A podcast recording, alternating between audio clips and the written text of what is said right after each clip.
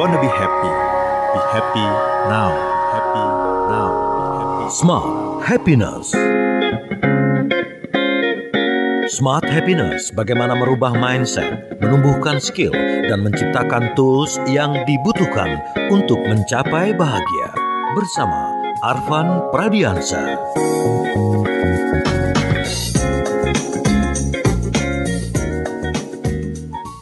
Jalan kaki pagi ini enak banget nih. Ya tapi jangan sekarang ya karena Anda sedang menyimak Smart Happiness tapi nanti mungkin setelah Smart Happiness ya.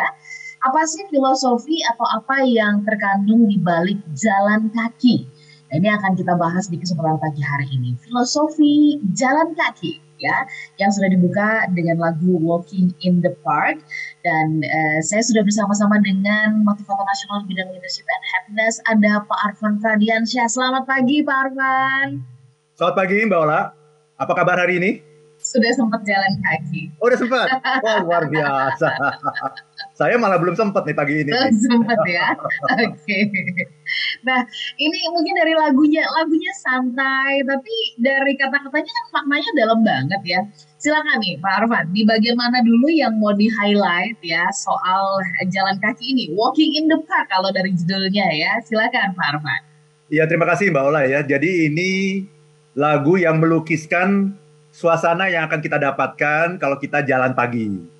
Kalau kita jalan-jalan di taman. Dan luar biasa Mbak Ola ya. Jadi dia bilang, Blue sky high on a cloudless day is a whole lot better when you fade away and let trouble go. Ya, jadi langit yang biru yang ada di atas sana di hari yang tak berawan itu akan menjadi lebih baik lagi kalau kita uh, melepaskan semua kepenatan ya trouble yang ada di kepala kita gitu. The wind feels good and I know that you wanna smile all day in the likelihood of a first hello. Ya, jadi angin juga semilir gitu ya, terasa enak sekali dan uh, saya tahu bahwa kamu akan uh, memberikan senyuman kepada saya dan uh, memberikan kata uh, sapaan hello hmm. gitu ya. Young man plays on a saxophone to a boy and girl sitting all alone ya. Ada seorang anak muda yang memainkan saxophone di taman gitu ya. Uh, menghibur orang-orang uh, yang sedang duduk-duduk di sana ya Nah, inti dari yang ingin dia sampaikan sesungguhnya adalah ya, uh, don't you know? I think, uh, don't you know? Think a little less, you will feel a lot more. Tahu nggak kamu kalau kamu berpikir lebih sedikit, kamu akan merasakan lebih banyak gitu. Life doesn't have to be so complicated. Hidup itu nggak harus serumit itu kok gitu. Nah itu adalah sebuah feeling yang akan kita dapatkan, Mbak Ola ketika kita jalan pagi santai gitu ya menikmati suasana yang ada. Itu kita akan mendapatkan uh, pencerahan dalam pikiran kita ya. Jadi ini nanti kita akan bahas mbak Ola bukan hanya fisik ya bukan hanya kesehatan secara fisik tapi kita akan mendapatkan nanti kesehatan juga secara mental dan emosional. Beban-beban kita akan terasa lebih ringan dan hidup tidak serumit itu tidak sesusah yang kita bayangkan gitu mbak Ola Oke. Okay. Bagus sekali Jadi, ini dari Bruce Blackman ini. Bruce Blackman ya. Oke. Okay, um, supaya kita lebih menghayati uh, jalan kaki ini, mungkin kita tanya dulu kepada smart listener, jalan kaki terjauh yang pernah anda lakukan itu dari mana ke mana gitu ya jarak. Kira-kira jaraknya berapa uh, kilometer lah gitu ya, atau berapa lama lah itu anda tempuh jalan kakinya. Silakan anda boleh sharing ya. Dan kemudian uh, sepanjang perjalanan itu apa yang anda rasakan. Nah Pak Arfan, uh, bicara tentang uh, topik filosofi jalan kaki ya, uh, kan ini ini ini boleh dibilang uh, apa namanya? Uh, apa saya bertanya-tanya ini kenapa Pak Arfan ngajakin kita ngomongin soal jalan kaki? Apa karena nih ya fenomenanya kita tuh udah kebanyakan memang di rumah ya yeah. duduk ya kalau nggak duduk rebahan ya apalagi katanya generasi sekarang tuh generasi rebahan nah, gitu. Yeah. apa tanggapan Pak Arfan? Ya, terima kasih Mbak Ola. Ya betul ya. Jadi uh, ini karena saya sudah punya empat bulan terakhir ini ya, punya hmm. sebuah kebiasaan baru itu karena WFH terus ya. Hmm. Jadi pagi-pagi itu jadi sempet uh, jalan pagi ya. Uh, hmm. Dari saya itu dari jam setengah enam sampai jam setengah delapan pagi. Setiap hari kecuali hari Jumat. ya kan karena mau ketemu Mbak Ola hari Jumat ya. ya. Okay. Jadi selalu setengah enam sampai setengah delapan ya. Awalnya itu saya cuman uh, satu jam ya, tapi lama lama-lama sekarang bisa dua jam itu kalau hari biasa itu 8 kilo Mbak Ola. 8 kilo hmm. itu berarti sekitar 10 ribu langkah gitu ya. Kalau hari Sabtu dan Minggu saya tambah 2 kilo lagi, jadi 10 kilo kalau Sabtu dan Minggu gitu. Itu sekitar 12 ribu langkah gitu. Dan saya merasa uh, setelah jalan pagi kok jadi lebih sehat ya. Um, daya tahan tubuh juga meningkat, gak gampang sakit. Dan yang menarik adalah pikiran tuh jadi lebih terang, Mbak Jadi hmm. lebih cerah gitu ya. Dan um, saya juga banyak menemukan ide-ide kreatif, termasuk talk show kita ini uh, di hari Jumat ini sering kali idenya saya dapatkan ketika jalan pagi gitu. Ya sambil ya, jalan pagi merenung gitu ya terus tahu-tahu ketemu eh ini kayaknya bagus nih diangkat nih rame nih uh, topiknya nih gitu. Ya. Mhm. Dan karena saya melakukan itu selama empat bulan ini, maka saya kemudian mencari sebenarnya apa sih ada nggak sih filosofinya di balik jalan pagi itu? Ternyata luar biasa Mbak Ola. Saya baru ketemu gitu bahwa jalan pagi itu memberikan manfaat yang luar biasa bukan hanya kepada kesehatan fisik kita, tetapi juga kepada kesehatan mental dan emosional kita. Gitu, bisa menyembuhkan trauma bahkan, ya. Jangka panjangnya justru bisa menyembuhkan. Pak Arfan, nanti kita bahas ya uh, di bagian mana di elemen jalan kaki itu gitu ya yang sedemikian uh, dahsyatnya tuh tadi dampaknya. Apakah ketika kita jalan kan otomatis semua uh, otot motorik lah dan sebagainya itu kan bergerak. Itulah yang mem, itukah yang memberikan stimulus ya. atau karena kita berkeringat atau karena kita menghirup udara segar tadi gitu ya. Kita ya. bahas nanti di sesi berikutnya ya Pak Arfan ya. ya. Smart listener yang juga sahabat yang bergabung, jarak terjauh yang pernah Anda jalan kaki ya, Anda lewati dengan berjalan kaki itu dari jarak uh, mana ke mana begitu. Kalau saya nanti deh saya cerita ya jarak yang terjauh yang pernah saya lewati. nanti kita berbagi ya. Tetap bersama dengan kami dalam Smart Happiness uh, di kesempatan pagi hari ini, filosofi jalan kaki. Kembali Anda ikuti Smart Happiness bersama Arvan Pradiansa. Smart Listener dan juga sahabat yang bergabung di era di mana kendaraan begitu mudah sekarang kita bisa akses gitu ya, eh, transportasi online ya, eh, lalu kemudian juga kemudahan untuk bisa memiliki uh, kendaraan bermotor atau kendaraan atau mobil lah begitu ya di zaman sekarang pasti rasanya uh, kalau disuruh jalan kaki tuh aduh mager ya terus gerak gitu kan. Benar nggak nih sobat listener ya? Tapi pagi hari ini justru Pak Arfad mengajak kita untuk bicara tentang filosofi jalan kaki gitu. Saya langsung uh, teringat dengan uh, pengalaman saya jalan kaki. Nah kalau smart listener nih jarak terjauh jalan kakinya itu dari mana ke mana sih gitu dan apa yang anda rasakan uh, ketika dulu Smart FM belum pindah ke Jalan Kebahagiaan ya Pak Arfan ya masih yeah. di uh, area Bonjol. ya Imam Bonjol ya di Bundaran HI. Jadi saya uh, setiap kali waktu itu bersiaran dengan uh, Pak Agung di sana ya di uh, Imam Bonjol begitu. Eh sorry di Kebahagiaan.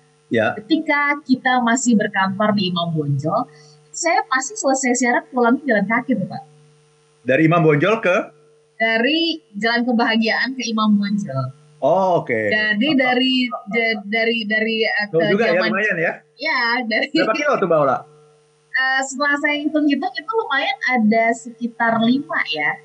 lima kilo, kilo ya. Oh, iya. Okay. Nah, itu jalan kaki itu, Pak dan ya. itu ngelewatin uh, apa namanya ngelewatin gedung-gedung tua kan ya. kantor-kantor tua tapi ngelewatin juga taman ngelewatin monas gitu ya, ya. Ya, ya. ngelewatin uh, patung uh, kuda gitu kan ya uh, nah itu sampai di Imam Bonjol fresh gitu loh Pak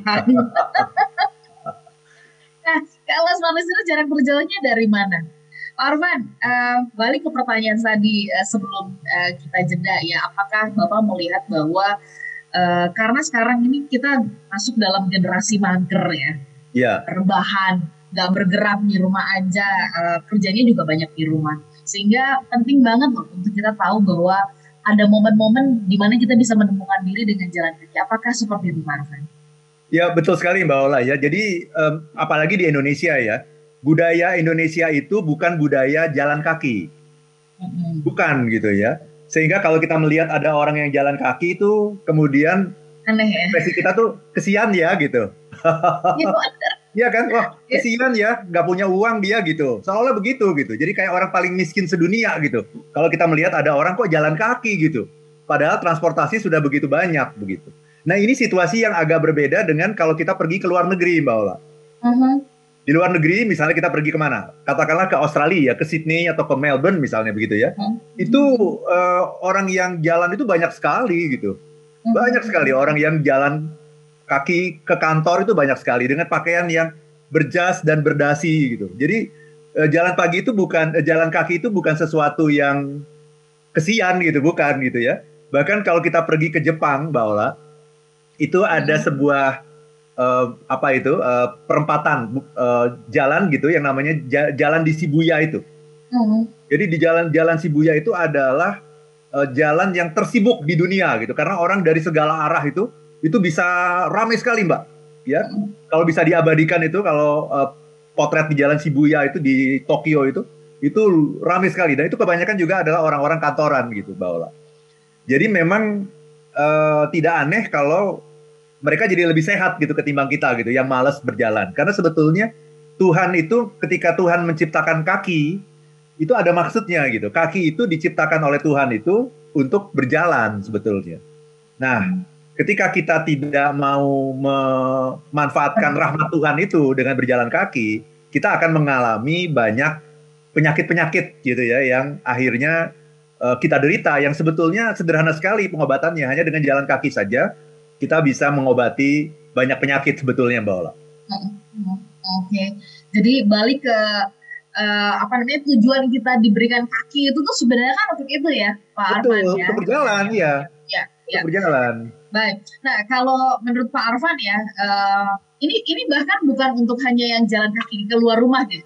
Kalau menurut Bapak, kalau sekarang ini banyak orang yang ya barangkali mau ngambil minum aja keluar dari kamarnya gitu atau ngambil ke itu kayaknya Iya. ogah, males gitu. Itu Iya. sebenarnya karena faktor malas saja ya atau eh, ini kayak yang sudah tertanam begitu bahwa eh, segala sesuatu seolah-olah memang ada di depan mata tuh gimana sih kalau menurut Pak Arfan? Ya karena tidak tahu pentingnya apa gitu. Iya, ya. Kita tidak tahu apa pentingnya sih eh, berjalan kaki ya. Nah, Hmm. saya saya akan sharing ya. Jadi eh, saya ingin sharing justru dari segi emosional dulu nih, Mbak Ola. Jadi eh, yang namanya otak kita itu, otak kita itu eh, ada bagian dari otak kita itu yang namanya hippocampus. Oke. Nah, hippocampus itu kerjanya itu merekam peristiwa-peristiwa yang terjadi dalam satu hari, Mbak Ola. Gitu ya. Nah, pada malam hari peristiwa-peristiwa yang di yang kita alami dalam sehari itu itu dipindahkan dari hippocampus ke dalam bagian-bagian otak yang lain, Mbak Ola. Gitu ya. Ken- Kenapa dipindahkan? Karena nanti untuk diproses, disimpan, disortir, dibuang, yang nggak perlu dibuang gitu, ya. Sehingga besok paginya hippocampus kita tuh kosong, Mbak Ola. Jadi hip- hippocampus itu merekam eh, semua pengalaman yang kita alami dalam satu hari, malam-malam dipindahin ke bagian otak yang lain. Sehingga besok pagi hippocampusnya tuh kosong gitu. Nah, ketika hippocampusnya ini kosong, maka dia bisa diisi dengan hal-hal yang lain di hari itu. Nah, apa yang sering kali kita alami, Mbak Ola? Kita sering kali mengalami pengalaman-pengalaman yang buruk, ya. Sehingga ada pengalaman-pengalaman buruk itu saking terlalu intensnya kita mengalami pengalaman buruk itu, malam hari pengalaman itu tidak bisa ditransfer dari hippocampus ke bagian otak yang lain. Hmm, hmm, hmm. Sehingga hippocampus kita ini penuh. Oke. Nah, ketika hippocampus ini penuh, besok paginya kita masih akan merasakan pengalaman yang buruk kemarin itu, seolah-olah pengalaman itu baru terjadi hari ini. Sehingga kan kita sering ya, kita mengalami hal yang buruk itu sebetulnya udah seminggu yang lalu. Tapi Hmm. sampai hari ini masih terasa kan? Seperti itu ya. Masih Masih kebayang ya. masih tebayang keselnya masih sama kan kan seperti itu nah dengan jalan pagi nah ini jalan ketika kita jalan pagi itu sebetulnya kita melakukan sebuah ap- apa namanya terapi bilateral. Percepatan. Oh, oke. terapi bilateral nah terapi bilateral ini banyak digunakan oleh para ahli juga nih untuk mengobati orang begitu ya nah terapi bilateral itu terjadi ketika otak kita itu berinteraksi antara bagian kanan dengan bagian kiri. Belahan Hmm. kanan otak kita berinteraksi dengan belahan kiri otak kita. Gitu ya. Nah, ketika terjadi interaksi seperti itu, maka eh, hipokampus menjadi lebih lega karena nanti pengalaman-pengalaman yang tadinya tidak bisa diproses dan masih bertahan di hipokampus ketika terjadi eh, terapi bilateral itu itu akan dipindahkan ke bagian otak yang lain. Sehingga kita masih bisa tetap mengingat peristiwa itu tapi feelingnya sudah tidak terasa seperti itu baru terjadi hari ini gitu. Itu sudah peristiwa kemarin gitu. Nah, apa yang terjadi ketika kita jalan jalan kaki Mbak Ola? Jalan kaki itu kan eh, prinsipnya adalah ketika tangan kanan ke depan, Hmm, kiri ke belakang ya biasa. kaki kaki yang ke depan kaki apa? Eh, kanan, ki- kaki kiri. Kiri, Kalau- betul. Ya itu. Iya. Kan Iya. nggak ada orang yang kecuali Charlie Chaplin ya. Kalau Charlie Chaplin itu tangan kanan ke depan, kaki kanan ke depan ya seperti itu ya. Itu kan karena dibuat. Tapi sebetulnya secara natural, Natural. secara natural itu ketika tangan kanan maju, kaki kiri yang maju. Ketika kaki eh, tangan kiri yang maju, kaki kanan yang maju. Nah, itu sebetulnya adalah sebuah proses terapi bilateral itu dan langsung mengaktifkan otak kita langsung otak kanan dan otak kiri tersambung, terhubung menjadi sesuatu yang integral gitu. Dan dia saling berkomunikasi satu sama lain. Nah, itu tadi eh, proses itu membuat tadi memo- memori-memori negatif yang ada di hipokampus itu bisa dipindahkan ke bagian otak kita yang lain. Sehingga otak kita langsung fresh, langsung kosong itu. Jadi kayak disket gitu kalau kalau zaman dulu tuh ada disket ya disketnya kosong gitu. Nah, sehingga nanti kita jadi lebih lega. Kenapa kita lebih lega? Nah, itu penjelasan neuroscience-nya kenapa kita lebih lega.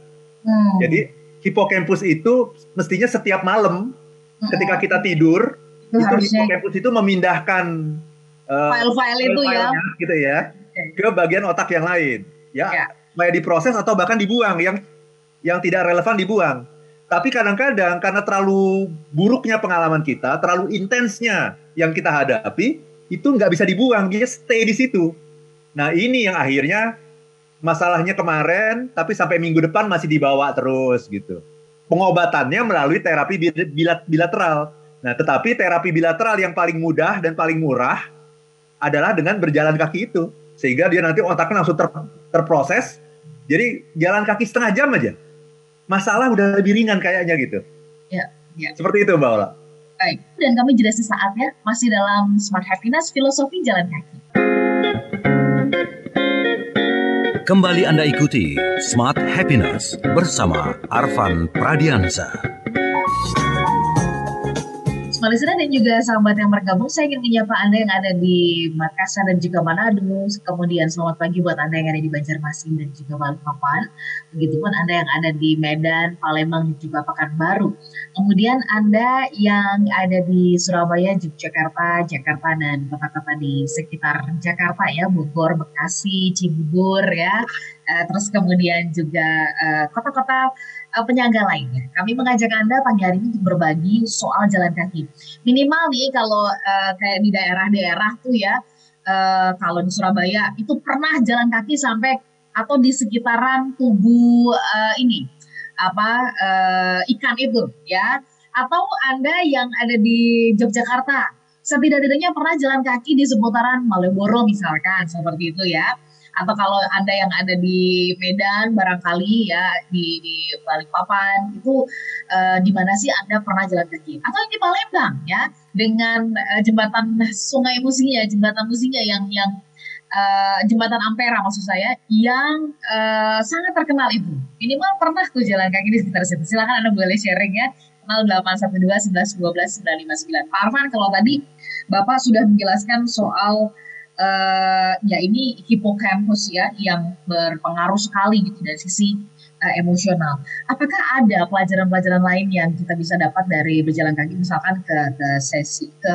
apa ke elemen spiritualnya barangkali? Kalau menurut Pak Arfan, adakah pengaruhnya? Silakan dibagikan Pak Arfan. Iya, terima kasih Mbak Ola ya. Jadi eh, emosional, mental, spiritual, iya. Oke. Ya, ketika kita jalan pagi itu kita membuka pikiran kita ya. Ketika kita membuka pikiran kita itu, rahmat Tuhan itu akan kelihatan gitu. Jadi selama ini tuh rahmat Tuhan nggak kelihatan kenapa ya? Karena kita menutup, kitalah yang menutup pikiran kita, kitalah yang menutup mata kita gitu.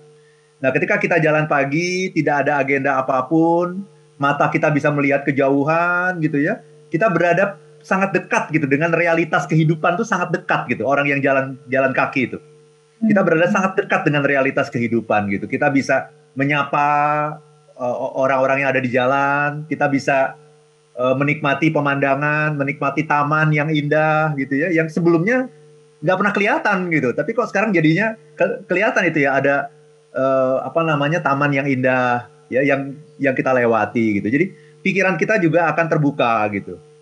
Kita merasa sangat dekat dengan kehidupan itu ketika kita jalan. Beda dengan uh, ketika kita berkendaraan itu beda sekali. Ada jarak antara kita dengan uh, kehidupan. Gitu. Ketika kita jalan tuh deket sekali gitu, kita bisa megang apa pun, bisa menyapa siapa pun, bisa jalan lewat mana pun, jalan-jalan yang tidak bisa kita lalui ketika kita membawa kendaraan gitu. Kita bisa lewat ke jalan ter tersebut gitu, Mbak Ola. Jadi itu akan mendekatkan kita pada alam. Jadi back to nature gitu sebetulnya, Mbak Ola.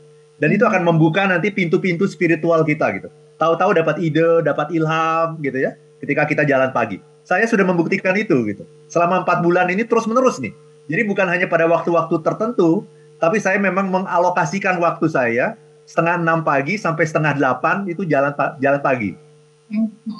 Plus Jadi, dengan ketemu nanti bubur ayam gitu ya, plus nah, jangan mikirin itu dulu. okay.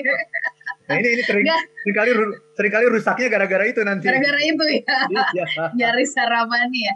Tapi iya. benar tadi yang uh, Pak Arfan uh, katakan ya dekat dengan realitas kehidupan. Nah ini yang yang uh, kita lihat atau kita saksikan termasuk itu tadi ketika pagi-pagi orang berburu sarapan ya uh, ternyata kita bisa lihat oh gila ya ada ada uh, fakta lain di mana banyak saudara-saudara kita yang juga berjuang mencari rezekinya tuh dengan cara ya uh, membuka hari ya di tengah-tengah membuka hari dan itu ngebantuin banyak orang ternyata seperti itu ya Betul. karena tadi Bapak mengatakan soal realitas kehidupan.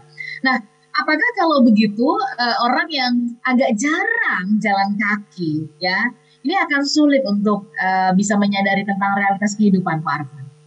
Ya tentu saja ada banyak cara ya Mbak Ola ya untuk menyadari realitas kehidupan tuh ada banyak cara gitu.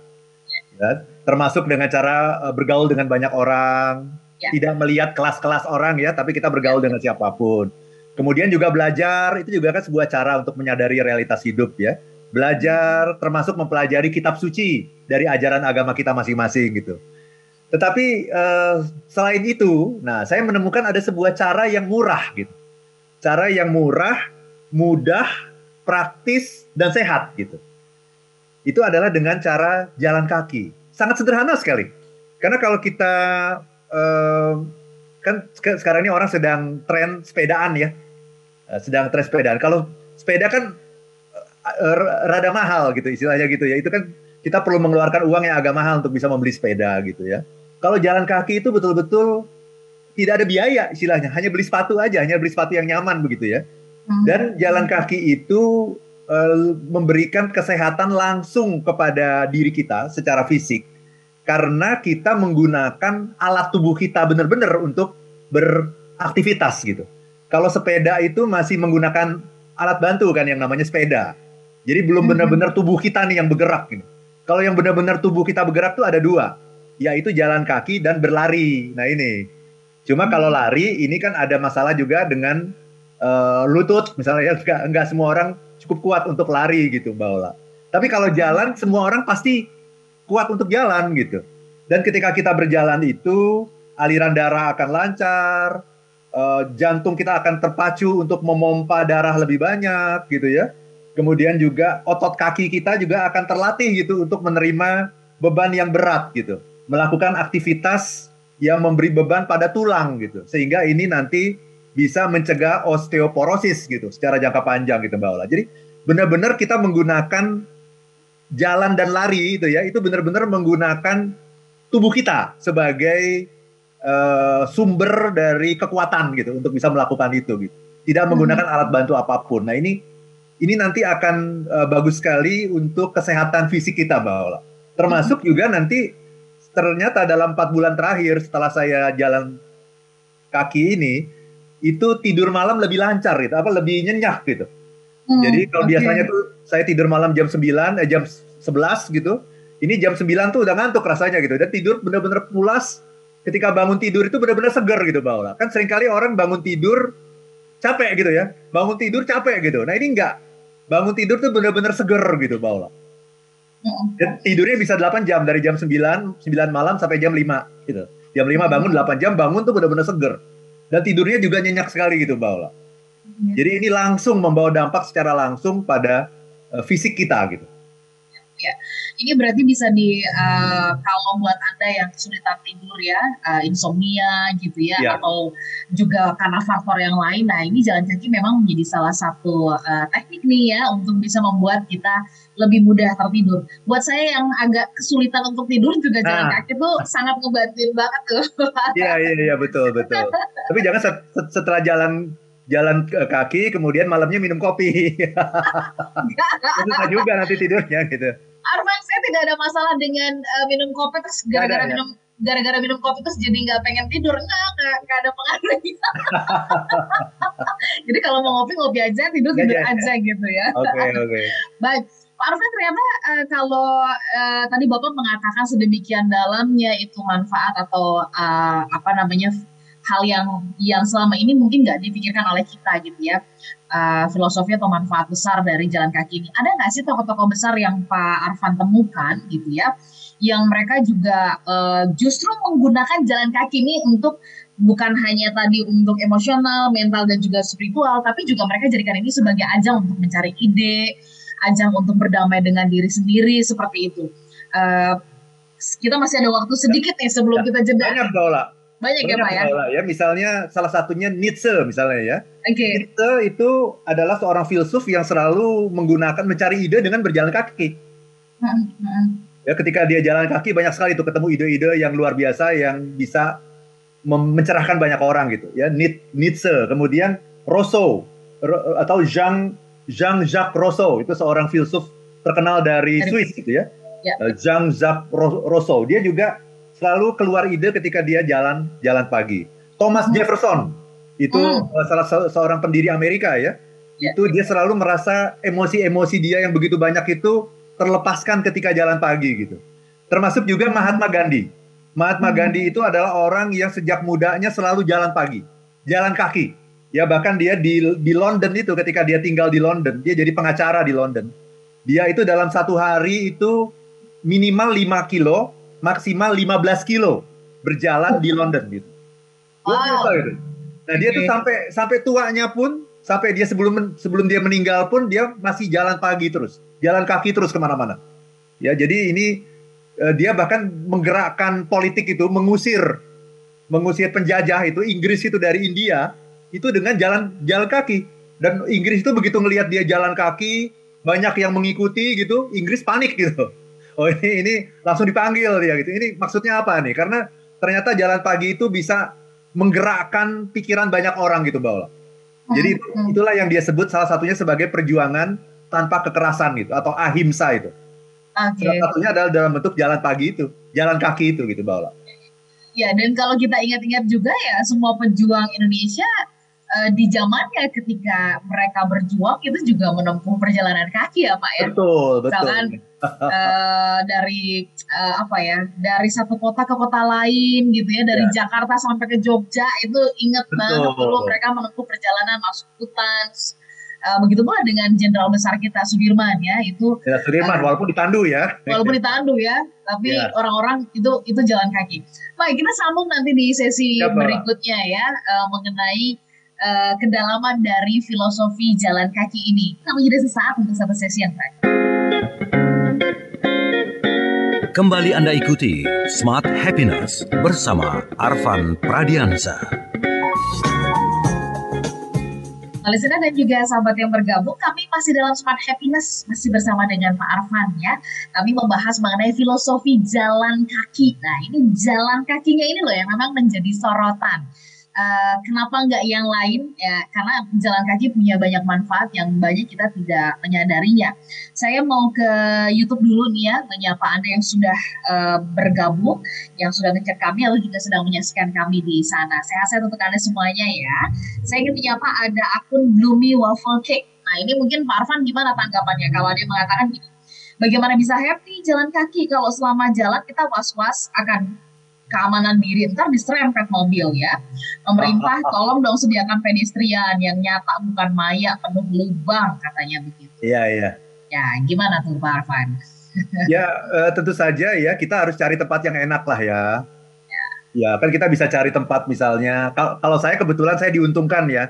Karena tinggal di komplek misalnya gitu ya. Tinggal di komplek itu saya dengan uh, dan kompleks saya itu nyaman tapi tidak rame gitu. Jadi tidak ya. terlalu banyak mobil. Jadi itu itu tentunya lebih dimudahkan bagi teman-teman yang tinggal di komplek. Tapi bagi yang tidak tinggal di komplek pun ya kita bisa carilah tempat-tempat di mana kita bisa berjalan dengan aman dan nyaman gitu. Ada banyak kok di Jakarta ada banyak banget kok. Di salah satunya misalnya. Bisa, salah satunya bisa ke GBK juga bisa tuh. Ya, di GBK ya. GBK okay. aja coba rame itu ya. Jadi Anda bisa kenal-kenalan banyak orang juga gitu. Iya, iya, iya, betul, betul. Cuma ya okay. ini kadang-kadang jalannya cuma 10 menit, 15 menit, makan bubur ayamnya dua jam. gitu. itu ya jadi soalan ya. Iya. ya. Uh, terus kemudian uh, ini ada dari WhatsApp ya uh, Pak Arfan dari Padang dulu deh saya mau menjumpai ada uh, Uda Jufra ya di sana ya. ya. Jalan kaki dari Padang ke Solo kurang lebih 50 km. Wow. Oh. Jalan pulang kampung berdua teman. Itu pernah katanya gitu Pak Arfan. Ya. Dengan mengikuti jalan aspal waktu mau kuliah uh, berangkatnya dari dari Padang itu saat satu tiga puluh siang jadi setengah dua ya. Dua. Nah uh, sampai di Padang itu jam 4 subuh. Waduh. Wow. Unplanning ya tapi ya. ini menjadi pengalaman hidup yang indah begitu. Jadi setiap kali ngelewatin itu jadi terkenang gitu ya. Ya. Wow, ini sih keren ya. Kalau berdua sih saya yakin banget ya teman-teman tuh seru-seruan ya. Nanti ada uh, berhentinya dulu, mau makan nasi padang dulu atau apa, lanjut lagi perjalanan ngobrol gitu ya. Terus kemudian uh, ada Ibu Lani di Lampung. Jalan terjauh yang pernah saya lewatin itu adalah um, berjalan kaki tiga jam nonstop di Singapura katanya karena tersesat sebenarnya ya. Oke. Okay. Terus kemudian juga ada uh, Pak Arfan ini ada pertanyaan nih. Uh, kalau sepedaan tiap pagi 30 menit gimana Pak Arfan? Itu sama nggak sih efeknya dengan jalan kaki? Iya, oke. Okay. Uh, sepeda satu hal begitu ya. Tapi kita lagi bahas jalan kaki. Tapi Pak Arfan mungkin punya jawaban. Silahkan. Terima kasih Mbak Ola ya. Uh, yang ingin saya katakan begini, betul ya kalau tadi ada 50 km gitu ya. Uh, kemudian ada yang uh, selama tiga jam berjalan terus gitu. Itu mungkin saya perkirakan uh, sekitar mungkin 20 kilo kali ya kalau ya. kalau 3 jam berjalan terus gitu. Ya. Yang ingin saya katakan adalah lebih bagus itu kalau kita melakukannya secara reguler Mbak Ola. Hmm. Jadi jangan cuma sekali-sekali gitu, tapi reg reguler, jadwalkan gitu. Ini sesuatu hal yang penting sekali. Jadwalkan misalnya satu hari Gak usah lama-lama. Kalau saya kan dua jam ya. Setengah jam aja Mbak Ola. Itu sebagai pem pemula itu 30 menit aja. 30 menit berarti dalam satu hari, Senin sampai Jumat, berarti total ada 150 menit per minggu. Itu aja udah cukup. Ya, 30 menit per hari itu aja udah cukup gitu. Ya, tapi reguler. Nah ini supaya bisa menghasilkan efek yang yang berkesinambungan gitu. Jangan cuma sekali-sekali jalannya panjang gitu. Ya Mbak Ola ya. Nah, kalau dengan sepeda kita tidak ingin membandingkan dengan sepeda, tapi yang ingin saya katakan adalah uh, kalau kita jalan kaki atau lari ya, jalan kaki atau lari ini dua ini. Itu betul-betul uh, aset utama yang yang sedang kita capitalize itu adalah tubuh kita. Aset utama yang sedang kita cap, cap, capitalize itu. Itu betul-betul adalah tubuh kita gitu. Jadi ini yang akan meningkatkan kesehatan kita secara jangka panjang gitu. Seperti tadi saya saya sampaikan itu otot-otot kaki kita itu juga akan menjadi lebih terlatih gitu. Me, karena yang namanya otot kaki itu dia harus harus diberi beban gitu. Harus diberi beban sehingga dia bisa semakin lama semakin kuat gitu. Ya, jadi bahkan orang tua pun ya ini saya di komplek ini ya saya efek sampingnya ini bonusnya ya. Saya jadi kenal tetangga Mbak Ola. Ini ter, ter, ternyata saya sudah kenal nih gara-gara jalan pagi ini. Saya sudah kenal 40 orang tetangga di sini. Wih. Yang sebelumnya saya nggak pernah kenal gitu. Dan sekarang Oke. tuh sudah kenal walaupun mungkin nggak semuanya saya tahu namanya, tapi ketika kita berpapasan selalu melambai tangan gitu kan. Wah jadi hidupnya jadi lebih enak gitu. Oh saya banyak teman Berwarna ya. berwarna hidupnya gitu. Ada 40 teman saya loh di sini yang setiap pagi ketemu gitu. Itu Mbak Ola. Baik. Eh, kamu berarti ini ini eh, serupa dengan yang ditangkap oleh pakar Moses ya. Filosofi Ya. jalan paginya kalau gitu adalah untuk menyeimbangkan atau menyelaraskan antara kemajuan teknologi ya yang serba remote sekarang otomatis dengan kegiatan manual, gerak tangan dan kaki.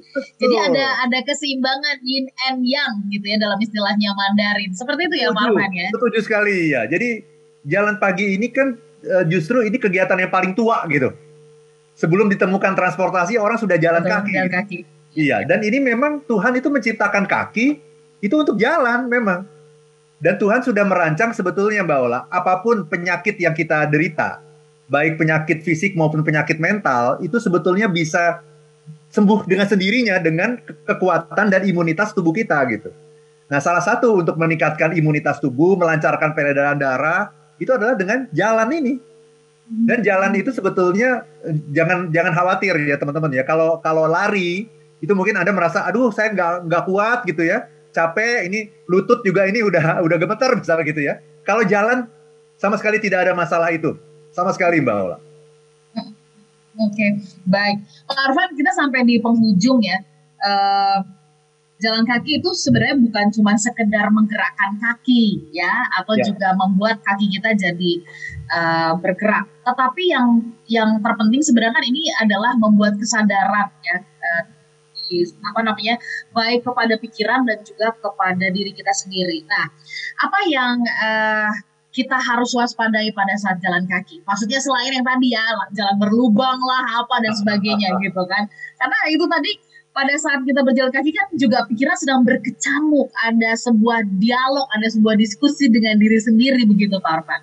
Ya tentunya jalannya harus lihat-lihat ya. Ya, itu bagian yang harus itu Ya, wajib lah gitu.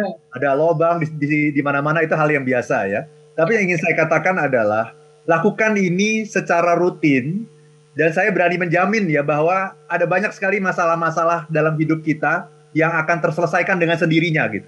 Karena sebetulnya masalah itu sering kali menjadi sesuatu yang traumatis semata-mata karena masalah itu tidak bisa dipindahkan dari hipokampus ke bagian otak yang lain atau bahkan dibuang.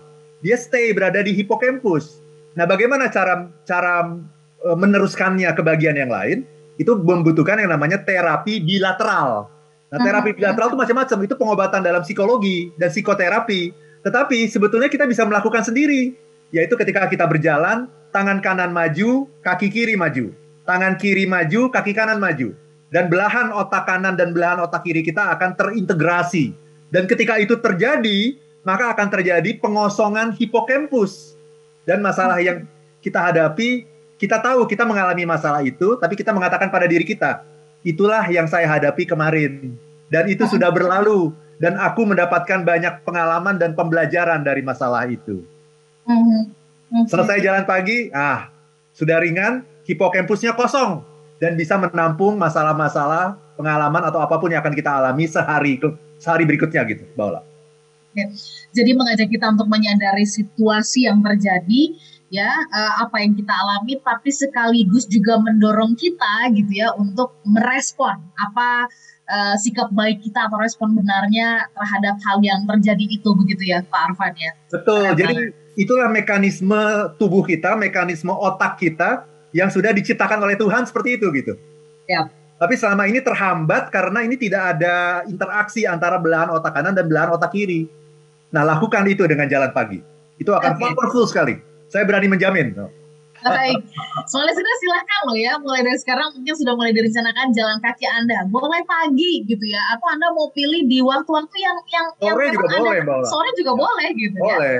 silakan ya eh, Anda bisa bisa mulai rencanakan karena ternyata di balik jalan kaki ini ada keindahan-keindahannya. Saya sendiri juga sudah membuktikannya ya. Bagaimana dengan Anda? Silakan yang tadi sudah berbagi dengan kita juga sudah cerita tentang pengalaman terjauh dan apa yang dirasakan pada saat jalan kaki. Bagaimana dengan Anda?